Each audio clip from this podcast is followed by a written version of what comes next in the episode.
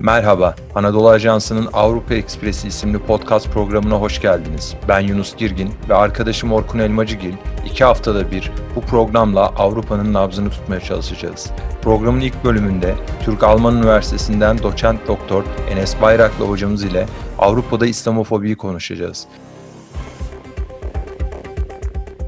Sayın Enes Bayraklı Hocam, öncelikle davetimizi kırmayıp katıldığınız için teşekkür ediyoruz.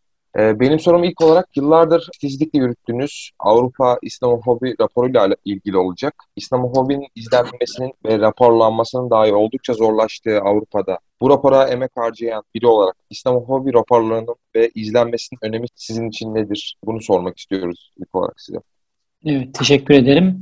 Şimdi öncelikle tabii biz bu raporu ilk yayınlama başladığımız zaman 2015 yılında ilk raporu çıkarttık. 2014'te çalışmaya başladık. O zamanlar tabii e, bu meseleyi gündeme getirdiğiniz zaman genellikle karşı argüman olarak İslamofobiya mı? Ne öyle bir problemimiz yok bizim.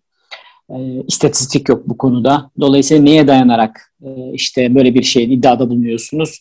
E, bunlar orada burada gerçekleşen tekil olaylardır tarzı bir yaklaşımdı. Dolayısıyla raporu yayınlamaya başladıktan sonra biz raporla birlikte aslında bütün Avrupa genelinde böyle bir problem olduğunu göstermiş olduk. Tabii ki raporun esas amacı günlük olarak istatistik tutmak ya da günlük olarak İslamofobik vakaları izlemek değil. Bu apayrı bir iş ve e, bir kurumun konusu aslında. E, bir sivil toplum kuruluşu yapabilir yahut devlet e, bunu resmi olarak yapabilir. Fakat biz e, o resmi gö- tamamını görmüş olduk. Yani hem Doğu Avrupa'da hem Batı Avrupa'da söylem düzeyinde ve sokakta şiddete ve teröre doğru uzanan bir dalganın geldiğini gördük.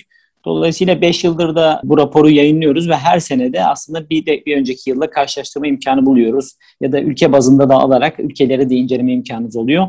Dolayısıyla bu rapor dünyada bu şekilde yıllık olarak raporlama yapan tek rapor. Biz Avrupa özelinde çalışıyoruz tabii. Bunun ötesinde e, diğer coğrafyalarla ilgili de aslında çalışmak gerekir. Bana soracak olursanız hem Amerika kıtası ile ilgili hem özellikle Asya kıtası ile ilgili Özellikle Hindistan bu konunun çok ciddi merkezlerinden biri olmaya başladı son dönemde. E, fakat e, en azından biz bu raporla bu meseleyi Avrupa'da gündeme e, taşımış olduk. Çok ciddi olarak aslında hem akademik olarak ses getirdi hem de siyasi olarak da ses getirdiğini söylemek mümkün.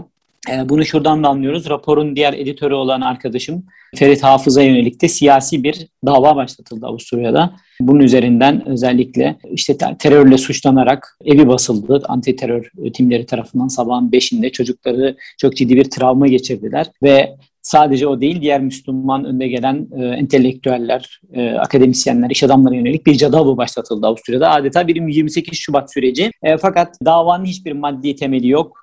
E, iddialar havada bir kanıt yok ortada. Bütün bu suçlamaları e, temellendirecek. Zaten yenilerde Graz Bölge Mahkemesi'nin yanlış hatırlamıyorsam vermiş olduğu karara göre bütün bu yapılan baskınlar hukuksuz.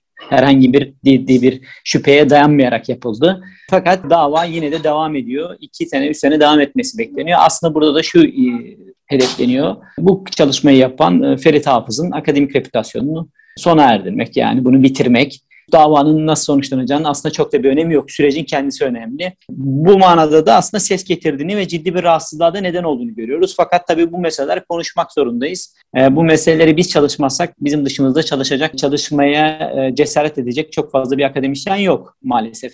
Hem Avrupa'daki akademik camianın içerisinde bu meseleyi çalışan insanlar, İslamofobiyi çalışan insanlar marjinalleştiriliyorlar. Özellikle kıta Avrupa'sında neredeyse üniversitelerde kendine yer bulamıyorlar. İngiltere'de çalışan bazı akademisyenler var az da olsa. Onun dışında da Türkiye'deki akademideki Avrupa merkezci, batıcı hakim söylemi de düşünecek olursanız bu meseleleri e, ciddiyetle eğilip incelemeyen, e, incelemek isteyen akademisyenlerin sayısı da bir elin parmaklarını geçmiyor.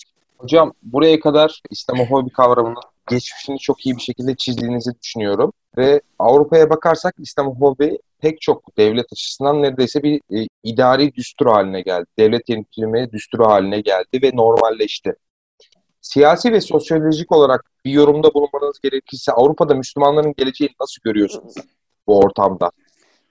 Yani Avrupa'da Müslümanlar e, birçok açıdan baskı altındalar. Öncelikli olarak Müslümanlarla ilgili Avrupa'da bir başından itibaren birçok devletin, kıta Avrupası özellikle asimilasyoncu bir politika uyguladığını biliyoruz ve görüyoruz. E, bunları asimile etmekti esas amaç. Başlangıçta zaten işçi olarak görüyorlardı ve geri döneceklerdi. Fakat dönmeyecekleri ve kalacakları anlaşılınca asimilasyoncu bir politikaya bazı ülkeler Fransa gibi bunu çok daha kaba saba bir şekilde yaptılar. Bazı ülkeler daha sofistike yöntemlerle yaptılar. Ama günün sonunda bunların Avrupa toplumları içerisinde eriyip gideceği düşünülüyordu. Fakat İslam'ın ve özellikle de Türklerin İslam toplumları içerisinde özellikle de Türklerle ayırıyorum ben. Asimile olmaya karşı özellikle kültürel ve dini kodlardan dolayı ciddi bir dirençleri var. Yani bu nereden kaynaklanıyor? Bunu ciddi olarak araştırmak gerekiyor. Ama bu direnci görüyoruz. Bu direnci sadece bakın şeyde görmüyoruz. Avrupa'da, Batı Avrupa'da görmüyoruz. Bu direnci aynı zamanda Balkanlarda görüyoruz. Yüzyıllarca beraber yaşamış olan insanlar ama mesela işte Makedonya'da bunu görebilirsiniz. Bosna Hersek'te görebilirsiniz. Başka Yunanistan'da görebilirsiniz. Çok ciddi olarak bir sınırların çizildiğini görüyorsunuz kültürler arasında. Yani Müslümanlarla Hristiyanlar arasında, Türklerle Yunanlar arasında, Türklerle Makedonlar arasında fark etmez. E, bu her zaman çatışmaya neden olacak değil ama çok ciddi bir kimlik bilinci, kültürel bilincin olduğunu bu topluluklarda görüyoruz. Bunun aynısının da batıdaki Türk toplumlarda özellikle çok ciddi olduğunu görüyoruz. E, bu insanlar birçoğu aslında e, özellikle birinci nesil, ikinci nesil e, ciddi eğitime sahip insanlar değillerdi. İlkokul mezunuydular. Fakat buna rağmen e, bu şey ger- e, ne diyelim bu kültürel direnç asimile olmalarına engel oldu. Aynı zamanda entegrasyonla ilgili bir tartışma var. Bu entegrasyon sürecinin ise doğal olarak devam ettiğini görüyoruz. Yani artık Avrupa'da ben bir ente, benim zamanımda 2000'lerde Viyana'da sonu bitmez bir entegrasyon tartışması vardı. Entegrasyon, entegrasyon nedir? Entegrasyon şudur. E, üçüncü nesil, dördüncü nesil bir insan yani Avusturya'da doğmuş, büyümüş, orada okula gitmiş, oranın vatandaşı. Nereye, daha neye asimile olacak, şey olacak, entegre olacak? Yani vergisini veriyor, yasalara saygılı. Ha farklı bir kültürü var, yaşam biçimi farklı. E, bunlar kimseyi enterese etmez. Bakın bu noktada işte esas e, kavganın patladığını görüyoruz. Burada bir Avrupa İslamı oluşturmak üzere projelerin devreye sokulduğunu gördük. Fransız İslamı, Alman İslamı, şu İslamı, Avrupa İslamı gibi içi boş tartışmaların başlatıldığını gördük. Bura üzerinden de İslamiyet ve Müslümanlık bir şekilde manipüle edilerek tırnak içerisinde Avrupa ile uyumlu hale getirilebilir mi? Esas proje bu. Ama günün sonunda ben eğer olağan akışına iş bırakılırsa bir Avrupa İslam'ının tırnak içerisinde zaten ortaya çıkacağını düşünüyorum. Bu şu organik olarak ortaya çıkacaktır. Yani nasıl İslamiyet bütün gittiği coğrafyalarda oralara uyum sağlamış. Uyum sağlamış derken bu itikadi manada değil ama fıkhen farklı yorumlar ortaya çıkmış, mezhepler ortaya çıkmış. Dolayısıyla Avrupa'da da bir Avrupa İslam'ının, bir fıkhının gelişeceği. Çünkü bu da Müslümanların tarihte çok tecrübe ettikleri bir şey değil. Yani Müslümanlar e, gayrimüslim bir toplumda e, yaşamaya özellikle bu, bu bu bu kadar yoğun bir şekilde bu çağda başladılar. Ondan önce de vardı ama çok azdı. Dolayısıyla bu bir fıkhını geliştirecek, belki kendi mimarisini geliştirecek, kendi kültürünü geliştirecek, kendi sanatlarını geliştirecek ama bu bugünden yarın olabilecek bir şey değil. Yani kültür ve sanat e, mimarideki bunun iz düşümlerini e, 40 yılda 50 yılda göremezsiniz. Yani bu yıl, yüzyıllar alacak olan bir süreç. Bunu kendi haline organik e, sürece bırakmak zorundasınız. Ama Avrupa'da çok ciddi bir baskıcı, bir asimilasyoncu bir e, şey olduğunu görüyoruz. E, bu gidişat iyi bir noktaya gitmiyor açıkçası. Yani özellikle Müslümanlar bir problem haline getirildiler, bir güvenlik problemi haline getirildiler ve e, devlet eliyle de bunlar e, özellikle Fransa'da uygulanmaya başladı. Yani bir devlet politikası haline getirildi Fransa'da İslamofobiya. E, şimdi Fransa'da çıkarılan kanunlara bakıyorsunuz. Müslüman sivil toplum kuruluşları Bakanlar Kurulu kararnamesiyle kapatılıyor. Bir, bir, bir imza ile kapatılıyorlar. E, şimdi sivil toplumculuğun yükseltildiği, sivil toplumculuğun adeta kutsandığı bir çağda yaşıyoruz. Bir taraftan da sivil toplum kuruluşları kapatılıyor. Ve herkes susuyor. Yani tabii sesini çıkaran kişiler, çevreler var ama bunlar marjinal insanlar. Yani daha doğrusu marjinalleştirilmiş çevreler. Marjinal demeyeyim özür, özür dilerim. Marjinalleştirilmiş çevreler. Dolayısıyla Fransa'daki ana akım medyada bu konuyla ilgili bir bilgi duyuyor musunuz? Kapatılan yer onlara göre terörle bağlantılı, ilintili yerler. Halbuki terörle herhangi bir ilintileri yok e, bunların. E, şimdi dolayısıyla bunun üzerinden böyle bir politikanın devreye sokulduğunu görüyoruz. Ve ben bu baskının gün geçtikçe artacağını düşünüyorum maalesef. Mesela Avusturya buna çok iyi bir örnek. Yani ben Avusturya'da 10 yıldan fazla bulundum. 2000'li yılların başında gittim. Ve ben gittiğim zamanki Avusturya ile bugünkü Avusturya'yı karşılaştıramazsınız bile. 20 yılda bambaşka bir yere geldi ülke. Hollanda öyle. Avrupa'daki en çok kültürlü, çok kültürcü bir politikaya sahip olan bir devlet bugün Avrupa'daki en İslamofobik siyasete sahip ülkelerden biri haline geldi. Siyasetçiler e, açısından da bakacak olursanız. Her şeyden önce bunlar normalleştirildi.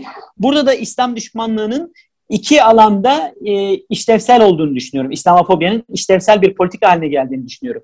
İşlevsel bir politika haline olduğu görüyorum. Birincisi küresel siyasette demin bahsettiğim batılı elitlerin, egemonya e, sahiplerinin İslam dünyasındaki politikalarını meşrulaştırmak için iyi bir araç. İslam dünyasındaki gayri meşru rejimlerin desteklenmesi için iyi bir araç. Onun meşrulaştırılması için, bu desteğin meşrulaştırılması için. Bakın bunlar giderse, bunlara destek vermezsek onlar gelecek.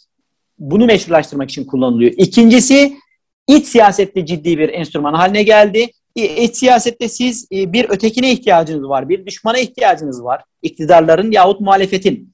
Bu geçmişte Yahudilerdi. Artık antisemitik olamazsınız. Antisemitik olmanın çok ciddi bir bedeli var. Hukuki bedeli var, iktisadi bedeli var, siyasi bedeli var. Yaşatmazlar sizi Avrupa'da. İki, geçmişte yabancı düşmanlığı üzerindendi. Fakat yabancı düşmanlığı 1980'lerde, 1990'larda miadını doldurdu. Çünkü artık Avrupa öyle bir çok kültürlü bir hale geldi ki yani şimdi İngiltere'de yabancı düşmanın üzerine nasıl siyaset yapacaksınız? Milyonlarca Polonyalı gelmiş ülkeye.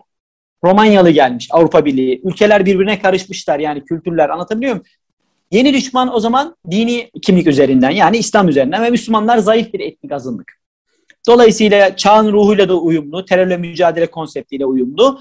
Bunun üzerinden bir dil inşa edilmeye başladığını gördük. Yani aşırı sağ yabancı düşmanlığından İslam düşmanlığına kaydırdı dilini. 1900 2000 yılların başından itibaren Müslümanlar günah keçisi ilan edildiler ve Müslümanlar üzerinden bir siyasi söylem inşa edildi. Bunun üzerinden de demin bahsettiğim asimilasyoncu politikalar, Avrupa İslam'ı oluşturma politikalarında artık altı doldurulmaya başlandı. Çünkü geçmişte atacağınız bazı adımları atamıyordunuz. Fakat bugün öyle bir öcü inşa ettiniz ve düşman inşa ettiniz ki topluma dönüp diyorsunuz ki bakın bunları bunları yapmazsak evet bunlar normal şeyler değil. Fakat o zaman İslami terör gelir. Burası işte yahut Avrupa Müslümanlaşacak. Buraya bir göç cihadı başlattılar gibi toplumu korkutuyorsunuz.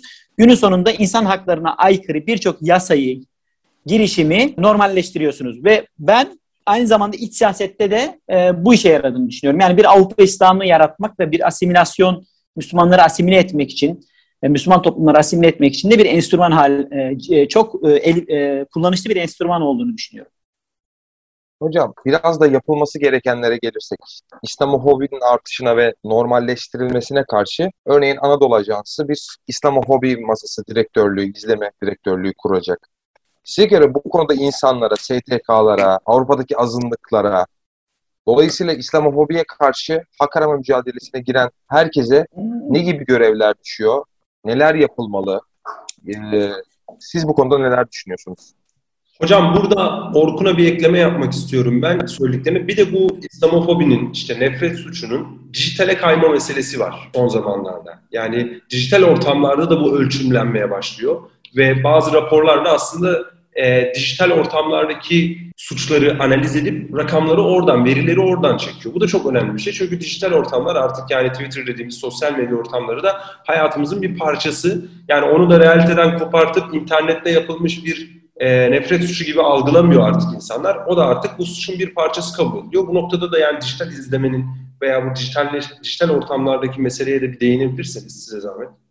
Tabii şimdi Anadolu Ajansı'nın bence gelişimi çok e, önemli. E, yani bu konuya özellikle hasreten eğilen bir, bir birimin olması, medyada bu işin izlenmesi, sürekli haberleştirilmesi çok önemli. Çünkü dünya üzerine bu iş bölük pörçük. Yani oradan buradan bazen haberler çıkıyor. Halbuki olay o kadar vahim ki yani e, bugün biz elimizde son 20 yılda İslamofobik şiddet ve saldırılar sonucu kaç kişi ölmüş bilmiyoruz mesela. Bunun bir envanteri elimizde yok. Halbuki yüzlerce insan var böyle. Londra'da öldürülen var, Toronto'da öldürülen var, Amerika'da var. E, Breivik'in saldırısı var, efendim Tarant var, Hanao'da olan var. Böyle bir de tekil vakalar var yani. Tek öldürülen insanlar var. İslamofobik terör diyorum ben buna. Bunun neticesinde ölen insanlar var. Dolayısıyla bakın bunun bir medya bir kere tarafının güçlü olması lazım. Takip tarafının yani haberleştirilmesi tarafının kamuoyuna, dünyaya servis edilmesi açısından. Bu açıdan çok önemli olduğunu düşünüyorum.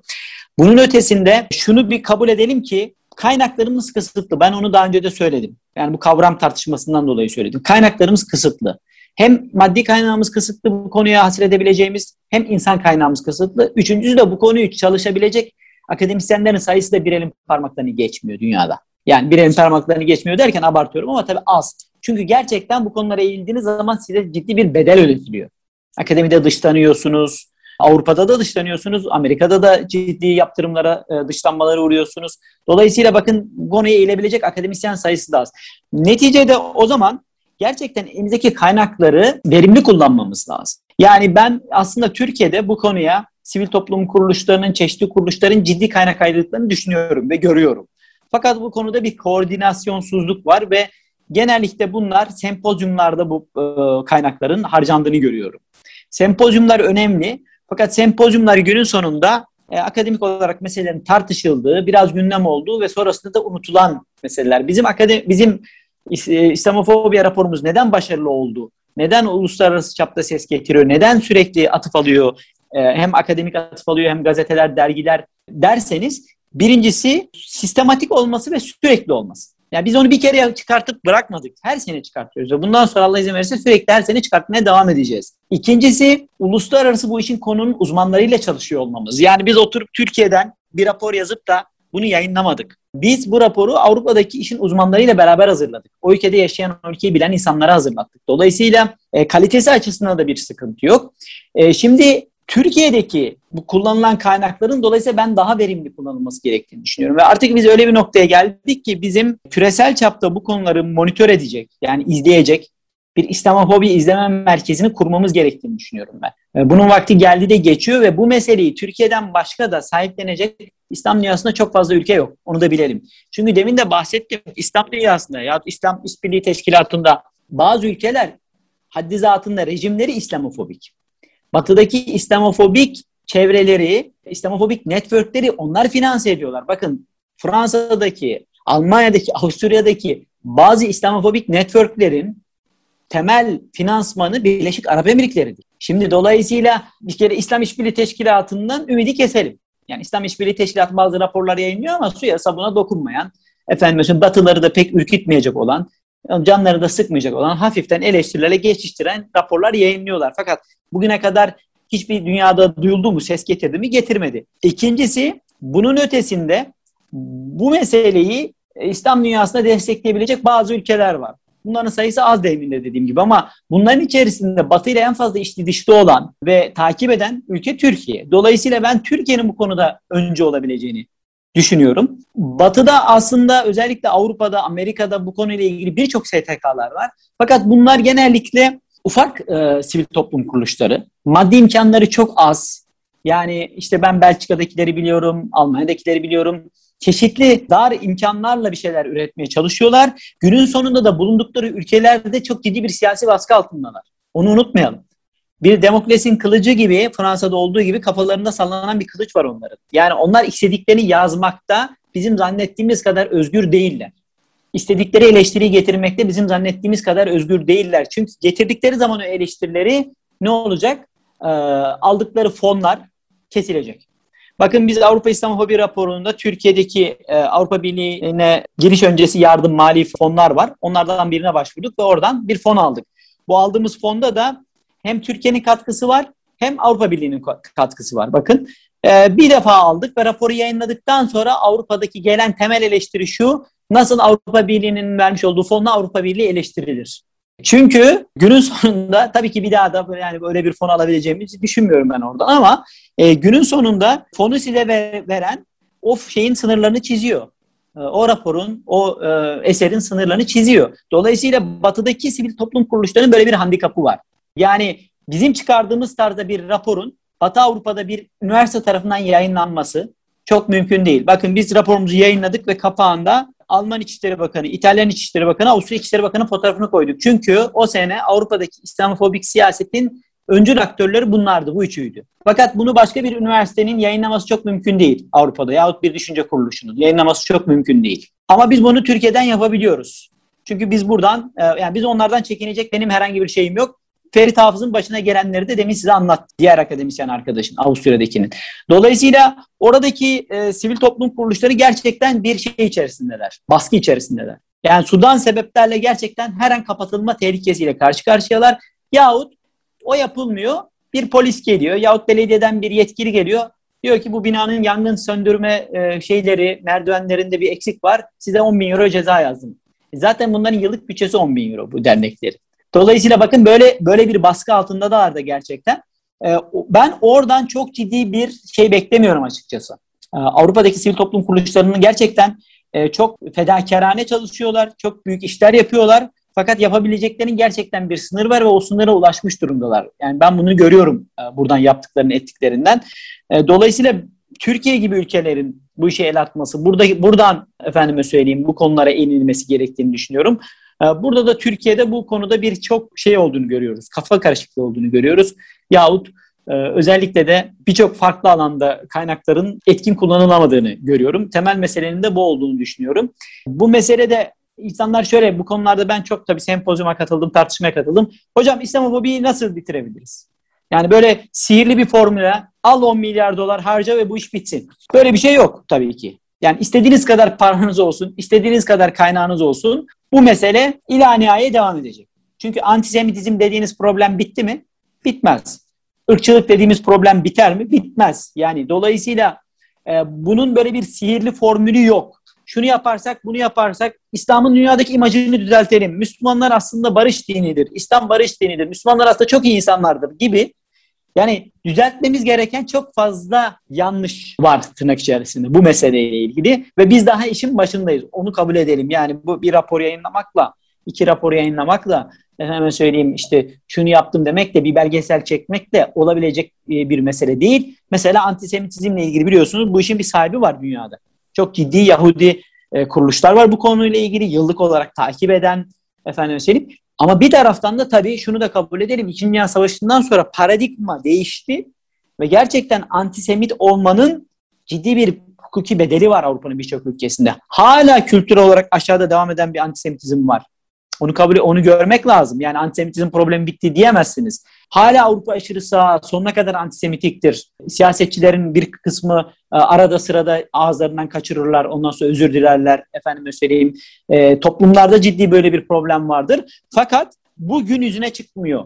Bugün yüzüne çıkmıyor. Bugün kolay bir düşman olduğu için Müslümanlara yönelmiş durumda bu nefret. Ama buna rağmen e, çok sistematik olarak Yahudi kuruluşlarının bunları çalıştığını, bu meseleyi çalıştığını görüyoruz ve biliyoruz. Biz daha meselenin başındayız diye düşünüyorum. Hocam vaktimiz çok az kaldı. iki dakikamız var. Ben bir şey daha sormak istiyorum ama yarım kalacak diye korkuyorum. Bu Avrupa Yüksek Mahkemesi'nin bu başörtüsüyle ilgili verdiği bir karar var. Ee, yaklaşık e, iki ay önce yanılmıyorsam. Bu kararda biliyorsunuz yani eğer diyor iş yeri sahibi gerekli görürse diyor, tarafsızlığı bozduğuna hükmederse diyor kendisi, başörtüsünün diyor, onu diyor yasaklayabilir diyor.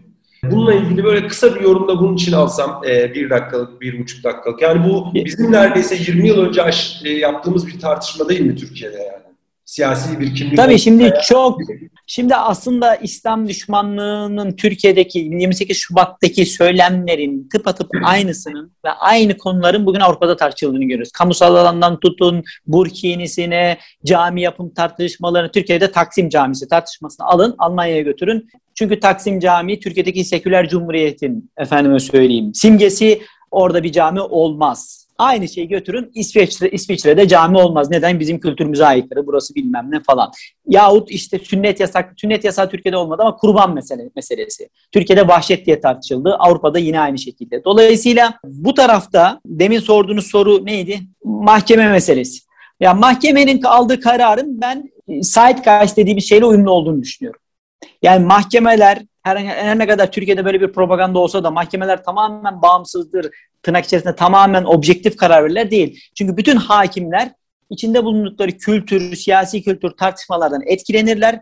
Atmosferden etkilenirler. Dolayısıyla Avrupa'daki mahkeme de Avrupa'daki bu İslamofobik dalgadan etkilenerek, bu tartışmalardan etkilenerek hakimler bu yönde karar aldılar. Çünkü paradigma bu. Paradigma ne? Yeni paradigma e, yeni ideoloji İslam karşıtlığı ve İslam düşmanlığı. Dolayısıyla mahkemede bunu meşrulaştıracak bir yorumda bulundu. Yani çünkü sonuçta günün sonunda bakın yoruma dönüşüyor. Bu kararın e, ben dolayısıyla bu kararın günümüzdeki bu tartışmalardan etkilendiğini, bu Zeitgeist'e uyumlu bir karar olduğunu düşünüyorum. Demin bahset sorduğunuz soruya döneceğim döneceğim şimdi. Yani nereye gidiyor Avrupa'da Müslümanların durumu? İşte bu noktaya gidiyor. Yani sürekli aleyhine dönüyor sistem Müslümanların aleyhine işlemeye başladı 20 e, sene öncesine göre ve maalesef sürekli Müslümanların özgürlük, dini özgürlüklerinin, e, toplanma özgürlüklerinin, ifade özgürlüklerinin, efendime söyleyeyim, e, kısıtlandığı bir düzleme doğru gitmeye başladık. E, ve maalesef gidişat bu yönde. Ancak bunu tersine çevirebilecek olan şey Batı'nın kendisine yeni bir düşman bulması. O nedir? Mesela Çin. Bunu ben daha önce birkaç defa daha ifade ettim. Mesela gerçekten Çin öyle ciddi bir rakip haline dönüşür ki biz dünyada sinofobinin adeta patladığını ve bu Müslümanların İslamiyet'in yerini, dünyadaki bu öcü imajının yerini aldığını görürüz.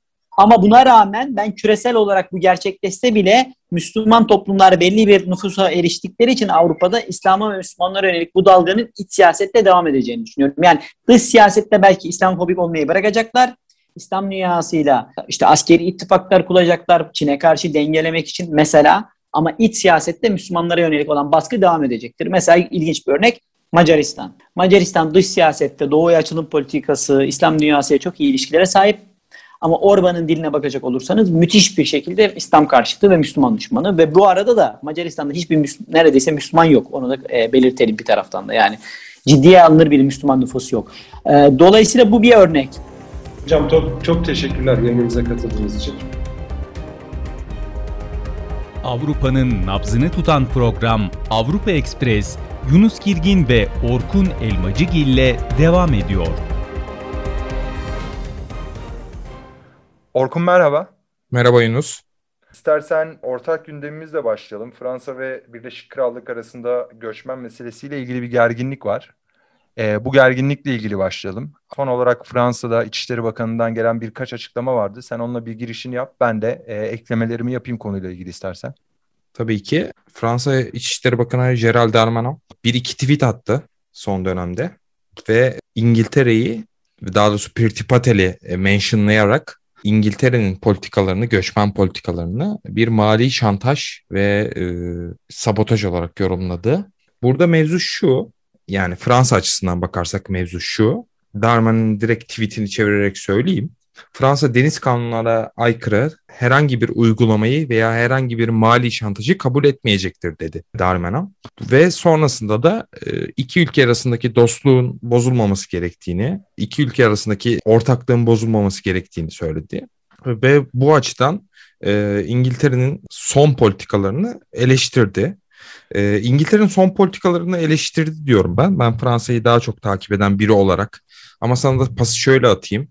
Biliyorsun Manş denizinden pek çok insan Fransa kaleden pek çok insan İngiltere'ye geçmeye çalışıyor. Bu durumun İngiltere'deki yorumlanması sence nasıl? Ve Priti Patel ne diyor bu konuda? Bu krizin İngiltere tarafından e, nasıl yorumlandığını düşünüyorsun?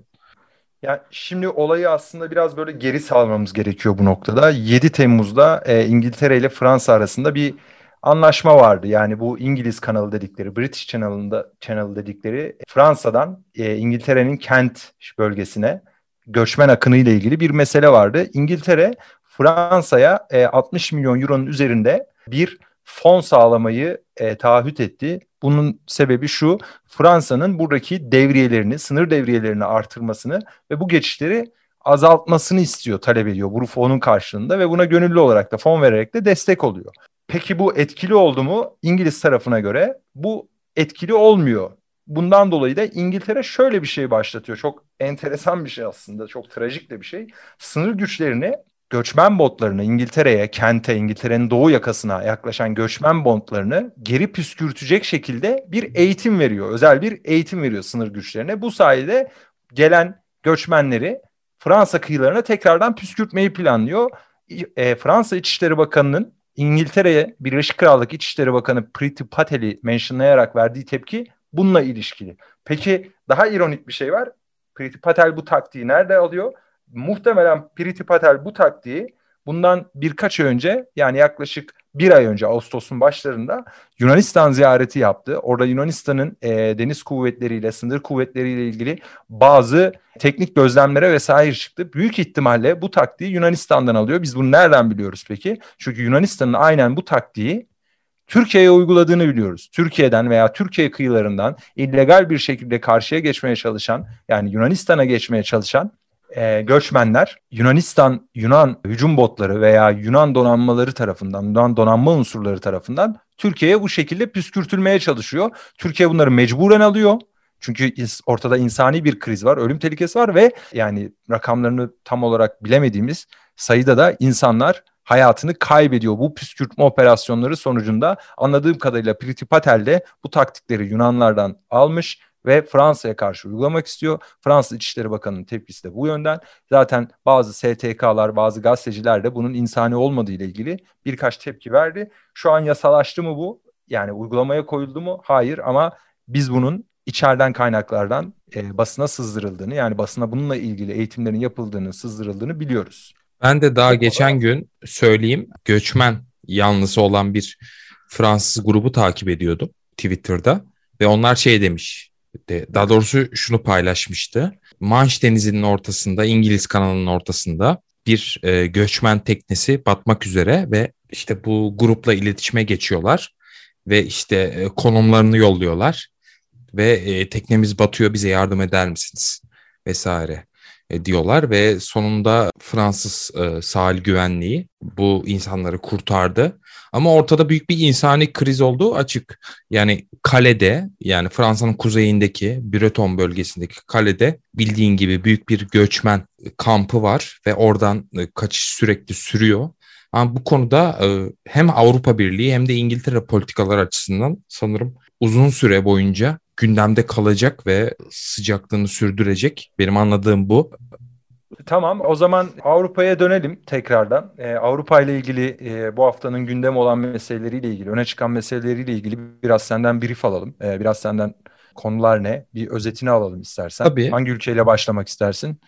En ilgili olduğum ülke olarak Fransa ile başlayayım. Bildiğin gibi Fransa'da iki tane çok önemli dava var şu anda yürürlükte olan. Birisi e, DAEŞ'in 2015 yılında yaptığı saldırılara da, dair dava başladı. Birincisi bu. İkincisi de Lafarge. Lafarge şirketine dair açılan insanlığa karşı işlenen suçlar etiketiyle açılan dava var. Bu dava ise Lafarge'ın Suriye'de Lafarge bir çimento devi. Dünyadaki en büyük çimento üreticisi Lafarge ve bir Fransız şirketi. Ve Lafarge e, Suriye'nin kuzeyinde çok çok önceden beri yani Suriye iç savaşı başlamadan önceden beri faaliyette olan e, fabrikaları var. Bu fabrikalar Suriye iç savaşı devam ederken dahi işlerliğini sürdürdü. Ve sonradan görüldü ki bu fabrikalar bu işlerliğini sürdürürken bölgeyi önce DAEŞ ele geçirmişti. Onlara haraç verilmiş, onlara çimento verilmiş. Bölgeyi sonra PKK ve YPG terör örgütü ele geçirdi. Onlara yine çimento verilmiş ve haraç verilmiş. Bunlara dair bir suçlama vardı. Daha çok DAEŞ üstünden tabii ki yürüyen bir suçlama vardı. Bu suçlamalar 2019 yılında düşürüldü. Ardından sivil toplum kuruluşları, insan hakları örgütleri 2019 yılında düşürülen, Yargıtay tarafından düşürülen bu davayı tekrar açmak için bir başvuruda bulundular ve dava tekrar açıldı bu hafta.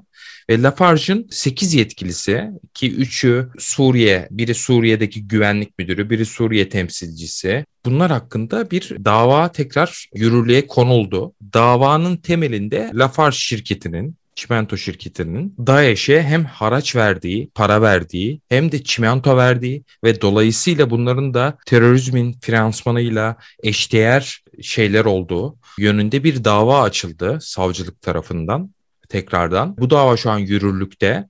Aynı zamanda biliyorsun Anadolu Ajansı da Fransız istihbaratının Lafarge şirketinin bu faaliyetlerinden başından beri haberdar olduğunu maillerle, yazışmalarla kanıtladı.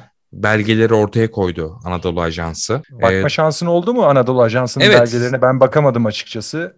Evet evet bakma şansım oldu. Belgelerde genelde şöyle şeyler var. Şöyle söyleyeyim. Lafarge yetkilileri mail yoluyla Fransız istihbaratıyla iletişime geçiyorlar. Ödedikleri haraçlardan, ödedikleri paralardan bahsediyorlar. Kimlerle temaslı olduklarından bahsediyorlar ve yaklaşık 2013 yılından beri Lafarge şirketi orada önceden de sürdürdüğü faaliyetini sürdürüyor ve ardından bu faaliyetlerin her birini Fransa istihbaratına not olarak mail yoluyla geçiyor. Ve bu faaliyetlerini sürdürmek için yaptıkları şeyler de dediğim gibi DAEŞ'e, PKK, YPG'ye haraç ödemek. E, bu büyük bir skandal tabii ki ve aslında en büyük skandallardan biri bu davanın Yani Fransa'da bu dava 2017 yılından beri hatta 2016 yılına kadar haberler var. Konuşuluyor. Bu dava 2019 yılında düşürüldü ve ancak yeniden açılabildi. Ve fakat bu davanın devlete yönelik bir süreci yok. Daha çok e, Lafarge şirketi üstünden yürüyen bir süreç var. Lafarge'ın e, terörizmi finanse ettiği üstünden yürüyen bir süreç var. Halbuki ortada olan süreç e, Fransa devletinin de bizzat DAEŞ'le iletişime geçen, onu finanse eden bir şirketle ilet yine iletişimde kaldığı ve buna dair bir tür yönerge verdiği ve şirketi yönlendirdiği bir süreçle karşı karşıyayız. Fransa'da enteresan bir süreç yaşanıyor açıkçası bu konuda. Dava sürüyor ve uzun sürede süreceğe benziyor ve Lafarge'in yaptıkları esasında genel olarak Fransa devletinin hesabına yazacak e, son tahlilde. Çünkü belgeler Anadolu Ajansı'nın açıkladığı belgeler bize gösteriyor ki bu bir özel sektör şirketinin yaptığı, kendi karını arttırmak için yaptığı bir şey değil. Aksine orada e, bulunurken bağlı bulunduğu devleti de bilgilendirerek yaptığı bir şey. Çok su getirir bir dava ve sürmekte. Biz de ilgiyle takip edeceğiz tabii ki. Anadolu Ajansı'nın dediğim gibi ortaya koyduğu belgelerde uluslararası arenada da önemli bir etki yaptı. İzlemeyi sürdüreceğiz. Çok güzel. Yani bu belgelerin gerçekten ben de takip yani çok içeriğini detaylı senin kadar araştıramadım ama uluslararası basında vesairede yeterince etki yaptığına şahit oldum. E, Fransa'dan sonra e, elindeki gündem bu haftanın geçmiş iki haftanın gündemi ne var? Şöyle biliyorsun Avrupa'da seçimler yaklaşıyor. Almanya'da ve Fransa'da. Bunlar Avrupa Birliği'nin en başat aktörleri. Onlarla ilgili anketler var. Özellikle Fransız seçim anketleri enteresan bir hale büründü. Ee, biraz medyatikleşti, öyle söyleyebilirim. Şöyle ki Fransa'daki e, seçimlere dair yapılan anketlerde yeni bir figür ortaya çıktı. Ee, o figür de Erik Zemur. Erik Zemur aşırı sağcı bir figür, Müslüman karşıtı, göçmen karşıtı bir figür ve onun adaylığı konuşuluyor. Ve aday olduğu halde %6 ile 9 oy alacağı ilk turdaki seçimlerde söyleniyor. Yani, yani Erik Zemur e, Le Pen'den farklı birisi mi? Ondan tabii ayrı ki, tabii bir de. oluşum. Evet evet. Yani Le Pen tabii ki aşırı sağın geleneksel temsilcisi artık babasından itibaren. Erik Zemur biraz daha medyatik olan bir figür, biraz daha net bir figür gibi ortaya çıkıyor. Ve aynı zamanda Fransa'da yapılan son anketler şunu gösteriyor. Fransa'da siyasi partilere, mevcut siyasi partilere duyulan güven oranı yüzde 21. Yani mevcut siyasete duyulan güven inanılmaz bir düşüşte. Bu yüzden Erik Zemur gibi figürler başkanlığa aday olduğunda ilk anketlerde %9'a varan oy alabilecek seviyeye geliyorlar. Bu aslında Fransa'daki güncel siyasetin sıkışmışlığını gösteriyor bize.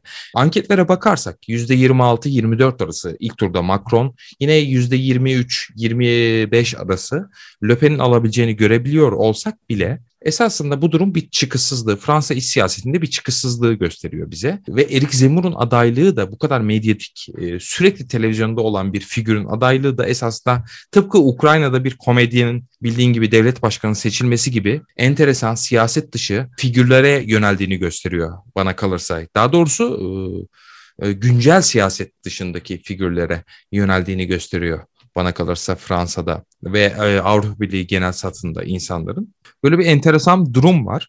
Tabii Zemur'un adaylığı sembolik bir adaylık olacak elbette ama Le Pen'in oyundan çalacağı benziyor ve ikinci turda yine Macron'un tekrar seçilebileceğine dair bir takım analizler var. Ama Zemur'un adaylığının ilk baştan bile %9 oy alabiliyor olması aslında Fransız siyasetindeki müthiş çıkışsızlığı göstermesi açısından çok manidar bana kalırsa. Peki Yunus Birleşik Krallık'ta neler oluyor genel olarak bu hafta?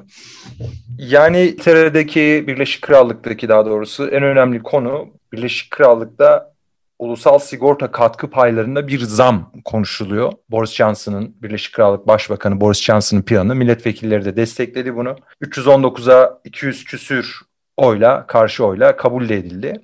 Bu neden çok konuşuluyor? Çünkü şundan dolayı normalde Boris Johnson'ın lideri olduğu Muhafazakar Parti e, aslında piyasa merkezli bir parti. Yani Labour Parti var ve karşısında da işte 10 10 yıla yakındır neredeyse iktidarı elinde bulunduran Muhafazakar Parti var. Muhafazakar Parti'nin 1.25 civarında 1.25 bir e, artış öngörüyor. Hem çalışanlardan hem de işverenlerde böyle bir artışa gidiyor. Bu da yıllık ortalama olarak 12 milyar pound'a denk geliyor böyle bir gelir. Çok eleştiri alıyor çünkü neden? Evet, baş, daha demin de söylediğim gibi normalde piyasacı yani free market dediğimiz e, aslında vergilendirmenin düşük olmasını savunan bir felsefeye sahip muhafazakar parti. Burada e, eleştiriler buradan geliyor. Şimdi buradaki eleştirilerde haklılık payı da var. Neden haklılık payı var? Çünkü şöyle görüyoruz. İngiltere'nin bir dilemması var bu konuda. İngiltere şunu yapmak istiyor. Yani hem istiyor ki ben Avrupa devletleri kadar sosyal bir devlet olayım. İşte Fransa'sı, Almanya'sı vesaire. Ama hem de diyor ki ben bunu yaparken yani sosyal devlet olurken Amerikan tarzı düşük vergi sistemiyle yapayım. Bu çok zor bir şey. Yani İngiltere'nin uzun sürelerdir dilemmasını çektiği bir şey. Bunu yapması zor. Ama son bu vergi artışıyla birlikte şunu söyleyebiliriz biz. İngiltere yani Birleşik Krallık Avrupa'ya yakınsıyor vergilendirme açısından. Neden? Çünkü mesela gayri safi milli hasılaya oranı var. Fransa'da verginin gayri safi yani vergi gelirlerinin gayri safi milli hasılaya oranı 2019 yılında neredeyse %50 civarı. İtalya'da %40'ın üstünde, Almanya'da da neredeyse %40'a yakın. Peki İngiltere'de kaç bu oran? İngiltere'de %30'un biraz üstü. Amerika'da daha da düşük. %25 civarlarında. Mevcut şartlarda bu politikaları takip ederse Birleşik Krallık vergi oranı gayri safi milli hasılaya payı içindeki verginin oranı yani şu anki mevcut durumları %31-32'lerden neredeyse 36'lara 37'lere çıkıyor. Bunun için çok büyük eleştiri alıyor ama onaylandı. Halkın da desteği var açıkçası. Çünkü bununla ulusal sağlık sisteminin krize girmesini engellemeye çalışıyor İngiliz hükümeti. E, İngiltere'de de e, Amerika'nın aksine bizim gibi bize benzer, Avrupa'ya da benzer sağlık sistemi ücretsiz ve e, en önemli iktidarınızın meşruluğunu sağlayacak en önemli şeylerden biri. Bu ee, bütün kesimler için geçerli bir vergi mi? Belli bir gelir üstündekilerden alınacak bir vergi yok, mi? Bu bütün yani e, belli bir geliri olan, maaş alan veya maaş veren, iş, iş yeri sahibi olan herkesin vereceği zaten hali hazırda olan bir vergi. Buna sadece %1.25'lik e, bir artış yapıldı. Ama dediğim gibi halk bunu destekliyor çünkü oradaki ulusal sağlık sistemi önemli bir şey ve her hükümetin ister muhafazakar taraftan olsun ister işçi partisi tarafından olan hükümet olsun her hükümetin ayakta tutmak istediği bir sistem. Çünkü bir anlamda meşruiyetini sağlayan İngiltere'deki en önemli yapılardan birisi. Onun haricinde İngiltere'de İşçi Partisi milletvekili, e, kadın milletvekili, Müslüman aynı zamanda Zarah Sultana'nın yaptığı parlamentodaki komiteye yaptığı bir konuşma var. Bayağı olay oldu bu konuşma. E, çünkü neden bayağı olay oldu? Bu konuşmayı Cuma günü yaptı. Konuşmasında çünkü bayağı bayağı ağladı komitede. Yani burada neyi söylüyor peki Zara Sultan'a? Karşılaştığı İslamofobik ve ırkçı saldırıları anlattı komiteye, meclisteki İslamofobi komitesine. Kendisine gelen mektuplardan örnekler verdi okudu sesli ve şunları söyledi. Yani ben Müslüman veya solcu bir kadına hayatın veya farklı renkten, farklı ırktan bir kadına İngiltere'de hayatın kolay olacağını söylemek isterdim ama öyle değil dedi. Bunu da kendisine gelen mektuplardan e, örneklerle anlattı. Mesela o mektuplardan birinde şöyle diyor. Sultana sen ve senin Müslüman güruhun insanlık için gerçek bir tehlikesiniz. Bir diğeri gittiğim her yerde kötü şey olduğumu söylüyor Zarah Sultana'ya. Diğeri de işte Avrupa sizi kusacak gibi çirkin, e, çok e, kelimenin tam anlamıyla ırkçı ve İslamofobik diyebileceğimiz mektuplar yolluyorlar. Bunu gözyaşları içinde anlattı. Bayağı olay oldu diyebiliriz. Hatta e, İşçi Partisi'nin öncekini lideri James Corbyn e, tweetledi, alıntıladı bunu. E, bir gündür e, İngiltere'nin en önemli gündem maddelerinden birisi bu. İskoçya'da birkaç mesele var. Ona da değineyim istersen Orkun. Tabii. İskoçya'da en önce mesele yine bağımsızlık meselesi. Nicola Sturgeon Yeşiller Partisi ile bir çoğunluk hükümeti kurdu. Çoğunluk hükümeti ne demek? İskoçya'da parlamentosunda normalde 129 vekil var. Yani 65 milletvekili alırsan çoğunluk hükümeti kuruyorsun. Ama SNP yani Nicola Sturgeon'ın liderliğini yaptığı İskoç Ulusal Partisi'nin milletvekili sayısı 64. Yani bir sayıyla çoğunluk hükümetini kaçırıyor. İsterse e, azınlık hükümeti kurabilirdi ama böyle bir tercih yapmadı. 7 milletvekili olan Yeşiller Partisi ile bir çoğunluk hükümeti kurdu. Böylelikle 71 milletvekiline ulaştılar. Bu 71 milletvekili ne demek? Yani parlamentoda, İskoç parlamentosunda bağımsızlıkla ilgili, referandumla ilgili gelecek bir e, yasayı, teklifi onaylayacak güce sahipler demek. Bazı temel noktalarda bağımsızlık haricindeki bazı temel noktalarda ayrıştıkları şeyler var. SNP ile Green Yeşiller Partisi'nin işte işinden de anlaşılacağı gibi Yeşiller Partisi biraz daha çevre konularında hassas. S&P'nin bazı işte e, altyapı ve yol çalışmaları ile ilgili bazı itirazları vesaire var ama en temel meselede bağımsızlık meselesinde ortak bir noktada buluşuyorlar. Şimdi e, Nicola Sturgeon 2023 sonuna kadar halk oylamasını diyor bağımsızlık için halk oylamasını diyor meclise getireceğiz diyor ve bunu açıkça da söylüyor. Bu benim diyor hükümetimizin diyor birinci sıradaki gündemi diyor.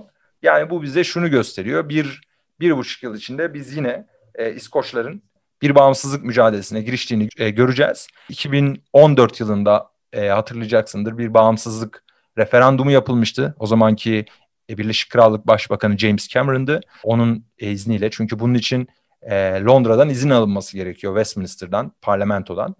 E, bunun onayıyla yapılmıştı ve yaklaşık yüzde 44'e 56 gibi bir oranla 45'e 55 civarında bir oranla İskoç halkı bağımsızlığı reddetmişti. Tabii o günden bugüne köprünün altından çok sular aktı tabir yerindeyse. Çünkü o dönem İngiltere'nin Birleşik Krallığın bir Brexit meselesi yoktu. İskoçya Brexit yani İskoç sınırlarındaki oylara baktığımız zaman e, çok ciddi bir ağırlıkta Avrupa'da kalmak ben istiyorlar. Son Avrupa anketlerde bir... ben son anketlerde şey gördüm. %54 kalalım yüzde 46 ayrılalım falan filan diyorlar. Senin öngörün var mı bu konuda? Yani şöyle nasıl? bıçak sırtı e, mesele bıçak sırtı hala yani 1-2 puan e, artabiliyor. Mevcut gündeme göre de değişebiliyor. Yani o anki gündemle işte konudan etki yani seçmenlerin etkileyecek aşırı gündem yoğunluğu var mı? Ama yani gidiyor geliyor diyebiliriz. Şöyle bağımsızlık olacak gibi görünüyor ama bağımsızlığın önündeki en büyük engel İskoçya'nın yani S&P'nin ve İskoçya'nın tabii onların lideri olan Nicola Sturgeon'ın doğru düzgün hala bir ekonomik model ortaya koyamaması. Bu çok ciddi bir sorun. Çünkü İngiltere'den ayrılmanın, Birleşik Krallık'tan ayrılmanın İskoçya'ya getirdiği bazı yükler var. İskoçya e, çok güzel bir ülke. Yani ben çok seviyorum doğasını vesaire falan ama bazı gerçeklikler var. İngiltere'nin diğer, e, Birleşik Krallığın diğer dört ülkesine göre fakir bir ülke kişi başına devlet yardımının en yüksek olduğu dört ülkeden biri Birleşik Krallık içindeki. Yani bazı gerçekler var. Yani büyük ihtimalle Boris Johnson da e, Birleşik Krallık Başbakanı da böyle bir dönemeçe girildiğinde herhalde benim tahminim kullanabileceği en önemli silah ekonomi meselesi. Çünkü gerçekten daha seçimden önce yeni yapıldı İskoçya'da seçimler, e, parlamento seçimleri. Yani bir zafer kazandı. S&P ama e, ondan iki hafta daha seçimden iki hafta önce bir canlı yayında yani ekonomik model olarak ne sunuyorsunuz kafanızda bir şey var mı dendiğinde hiç e, abartmıyorum. Hayır şu an daha net bir şey yok dedi. Halbuki seçime girerken en büyük vaatlerinden birisi Yunus, bağımsızlık. Yani şey soracağım. Esasında bu konu genel olarak Avrupa Birliği'nde biliyorsun çok ayrılıkçı siyaset isteyen işte Katalonya, Korsika, Sicilya, gibi e, ülkeler var Avrupa Birliği'nin içerisinde bölgeler var diyelim daha doğrusu. İskoçya ben en son onu sorayım yani bu konuyu uzatmaktan kastım şu Avrupa Birliği'nin genel ayrılıkçı siyasetini de anlamak Avrupa Birliği içerisindeki genel ayrılıkçı siyasetleri ve yapıları anlamak açısından soruyorum. İskoçya İngiltere'den ayrılırsa projeksiyonunda daha doğrusu gelecek öngörüsünde bir Avrupa Birliği üyeliği e, olabilir mi sence? Yani İskoçya zaten bunu vaat ediyor İskoç tarafı. Yani biz Birleşik Krallık'tan ayrılacağız ve Avrupa Birliği'ne katılacağız. Ama uzmanlar, bu işin uzmanları, Avrupa Birliği müzakerelerini ve süreçlerini bilen, uyum planlarını bilen uzmanlar şunu söylüyor. Bu öyle bugünden yarına olabilecek bir şey değil bazı yerine getirilmesi gereken çok ciddi ekonomik şartlar var. Bu şartlar e, İskoçya'nın şu an mevcut haliyle yerine getirebileceği şartlar değil. Şimdi çok teknik yani benim background'um ekonomi ama çok teknik detayla boğmak istemiyorum. Bu şartları yerine getirmesi şu an için mümkün değil. Uzmanlara göre 8-10 yıl süreceği söyleniyor. Peki bu 8-10 yıllık süreçte kendi para birimi ne olacak İskoçya'nın? Buradan İngiltere'nin İngiliz sterlinden, İngiliz poundundan ayrılıp kendi poundunu mu, kendi para birimini mi yapacak? Uluslararası piyasalarda nasıl değerleneceği parasının falan bunlar çok yani karanlık sorular. İskoçya'nın da eline en çok zorlayan sorular. Buradan e, İskoçya ile ilgili bir şey daha söyleyeyim. Kapatayım İskoçya meselesini. E, İskoçya bir de 1 Ekim itibariyle aşı pasaportu uygulamasını başlatıyor. Bunu onayladı hükümet. İngiltere daha böyle bir şey yapmadı Birleşik Krallık ama İskoçya bunu yapıyor. Bunu nasıl uygulayacak? İskoç parlamentosundan geçen yasaya göre gece kulüpleri, festivaller, spor müsabakaları, konserler gibi etkinliklerde aşı pasaportu istenecek. E, bu aslında çok acayip bir şey. Yani çok böyle yanlış böyle aşı karşıtlığı falan şey yapmak istemem ama yani Avrupa'nın, Amerika'nın, Batı ülkelerinin biz bireysel özgürlükler konusunda e, çok şey olduğunu biliriz ama bu aşı pasaportu konusunda bazı tartışmalar var. Yani aşı hepimizin olması gerekiyor. Ben de oldum işte herkes oluyor ama aşı pasaportu meselesindeki tartışmalara rağmen bunu İskoçya onayladı. Yani gece kulüpleri, festival alanları, konserler veya işte restoranlar kapalı ve açık mekanlara göre sayı değişecek. Yani atıyorum bir festivalde 8 bin sayısından bahsediyor. Açık hava e, organizasyonunda 10 bin sayısından bu sayıyı aşarsa buralara aşı pasaportuyla girilecek. Tabii. Bu kapalı mekanlar için de farklı rakamlar veriyor. Sadece aşı İskoç, pasaportu sadece İskoçya değil yani benim bildiğim kadarıyla Fransa'da, Belçika'da, Almanya'da üniversitelere giriş için bile, derslere giriş için dahi aşı pasaportu bulundurmanız gerekiyor. Bu Avrupa Birliği iç siyasetinde konuşacağı bir konu, bütün dünya ülkelerinin konuştuğu bir konu. Ayrı bir yerde hani temel haklar ve özgürlükler açısından ama İskoçya örneğini anlatman da güzel oldu. Çünkü genel olarak Avrupa satında e, oldukça hararetli tartışılan, eylemleri olan karşıtı eylemleri ne şahit olduğumuz bir durum bu aşı pasaportu mevzusu. O yüzden anlattığın güzel oldu. E, ama bu bütün Avrupa için geçerli bir yandan da tabii ki. Evet bir, bir yandan da çok tartışmalı bir konu. Yani aşının kendisi tartışmalı değil. Aşı pasaportu meselesi çok tartışmalı bir konu. Burada bir de son olarak yani İngiltere ile ilgili bir iki şey daha var. Şimdi e, çok girmek istemiyorum. Programda çok uzadı. Daha demin aslında senin sorduğun soruya bir önce bir, bir dönüş yapayım. E, biz bu hafta Enes Hoca ile konuştuk. Sayın Enes Bayraklı ile İslamofobi üzerine konuştuk. Dilersen ikinci programı veya üçüncü programda Avrupa'da ayrılıkçı hareketler üzerine yine konuda uzman bir akademisyeni yahut bir gazeteciyi, uzman birini alıp ayrılıkçılık meselesini konuşabiliriz. Bütün spesifik olarak Avrupa'daki ülkeleri tek tek ele alabileceğimiz evet, işte bugün, Birleşik Krallık'tan Fransa'da Korsika, Danimarka'da Flamenkler falan var yanılmıyorsam. Bugün e, işte Valonlar, Flemenler, Cartçurt şey bugün bir giriş yaptık zaten İskoçya mevzusuyla. E, bence güzel olur. Ee, böyle evet bir yani konuş- ayrılıkçılık meselesini de öyle bir ayrı programda ele alalım. Son bir konuya değineyim. Yani İngiltere'nin Brexit'ten çıktığın yani Birleşik Krallığın Brexit'le birlikte e, Avrupa'dan çıkışından bugüne yaşadığı bir sorun var. Çok önemli bir sorun. Tedarik zinciri sorunu var. Tedarik zinciri yani şöyle bir tedarik zinciri sorunu. Yani buralar İngiltere, İskoçya yani Birleşik Krallık fakir olan bir ülke değil ama gidiyorsunuz marketlerde raflar boş. Çünkü neden? Uygulanan gümrük tarifeleri meseleleri hala İngiltere ve Avrupa arasında bazı sorunlara yol açıyor.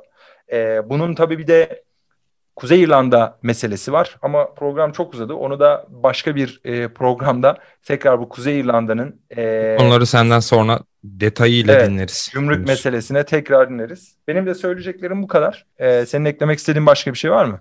Çok teşekkürler Yunus. Yunus biraz daha Anglo-Sakson bir kültürden bahsetti. Ben biraz daha eski kıtanın güneyine ve ortasına inmeye çalıştım. Avrupa Ekspresi'nin ilk bölümünü böylece noktalamak isteriz. Ee, bizi dinlediğiniz için teşekkür ediyoruz. Ben de çok teşekkür ediyorum. Orkun sana da katkılarından dolayı çok teşekkür ederim. Gelecek programda görüşmek üzere efendim. Görüşmek üzere.